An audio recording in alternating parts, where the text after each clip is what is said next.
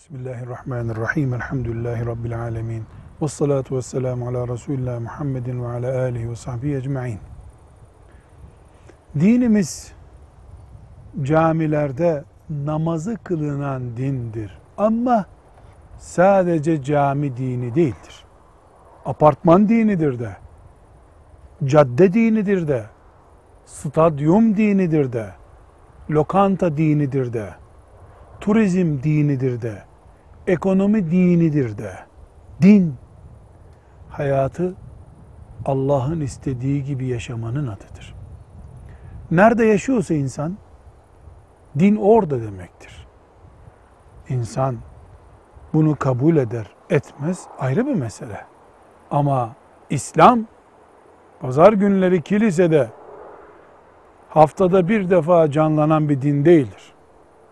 Her nefesle İslam varlığını gösteren bir dindir. İnsanların komşusuz yaşaması dünya şartlarında mümkün değildir. Dağda tek başına yaşıyor olsa insan öbür dağdakiyle komşudur. Dağlar birbirine komşu çünkü.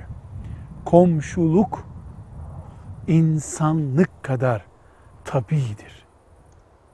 Bu böyle olunca bu kadar tabii, hayatın içinden bir kuralı dinimiz İslam. Sosyal kurallar dairesinde insanların elinde serbest bırakmış olabilir mi? Asla.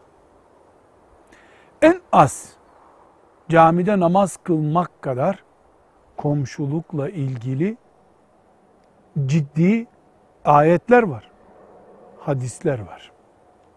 Sevgili Peygamberimiz aleyhissalatü vesselam komşuluğun o kadar üzerinde durulduğunu söylüyor ki vahiy ortamında, Cebrailli ortamlarda o kadar üzerinde duruluyor ki zannetmiş ki Peygamberimiz aleyhisselam baba ölünce oğlu ona miras kaldığı gibi, mirasçı olduğu gibi yakınlıktan dolayı abi kardeşe gerektiğinde mirasçı olabildiği gibi komşu ölünce komşusu ona mirasçı olabileceğini zannetmiş. O derece komşuluk üzerinde yoğun vahiy akışı olmuş. Böyle bir şey yok.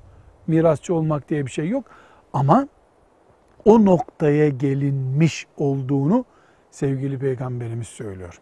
Komşuluk kuralları dindendir. Sosyal içerikli kavramlar değildir.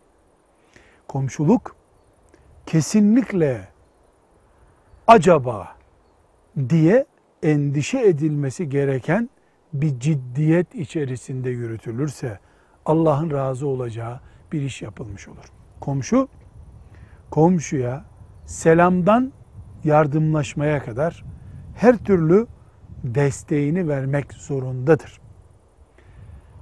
Gürültüden suyunu sızdırmaya kadar her türlü hak tecavüzüne de dikkat etmek zorundadır. Komşuluk otoparkı da ihtiva eden, merdiven kullanmayı da ihtiva eden bir hak hukuk düzeni içermektedir.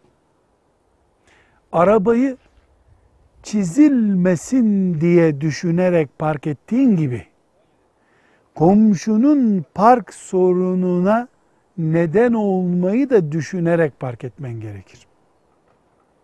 Merdivenler yetişirim saatime randevuya diye kullanıldığı gibi komşu rahatsız olur mu diye düşünülerek kullanılmalıdır.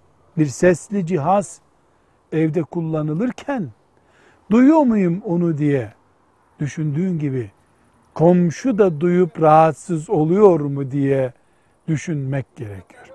Velhamdülillahi Rabbil Alemin.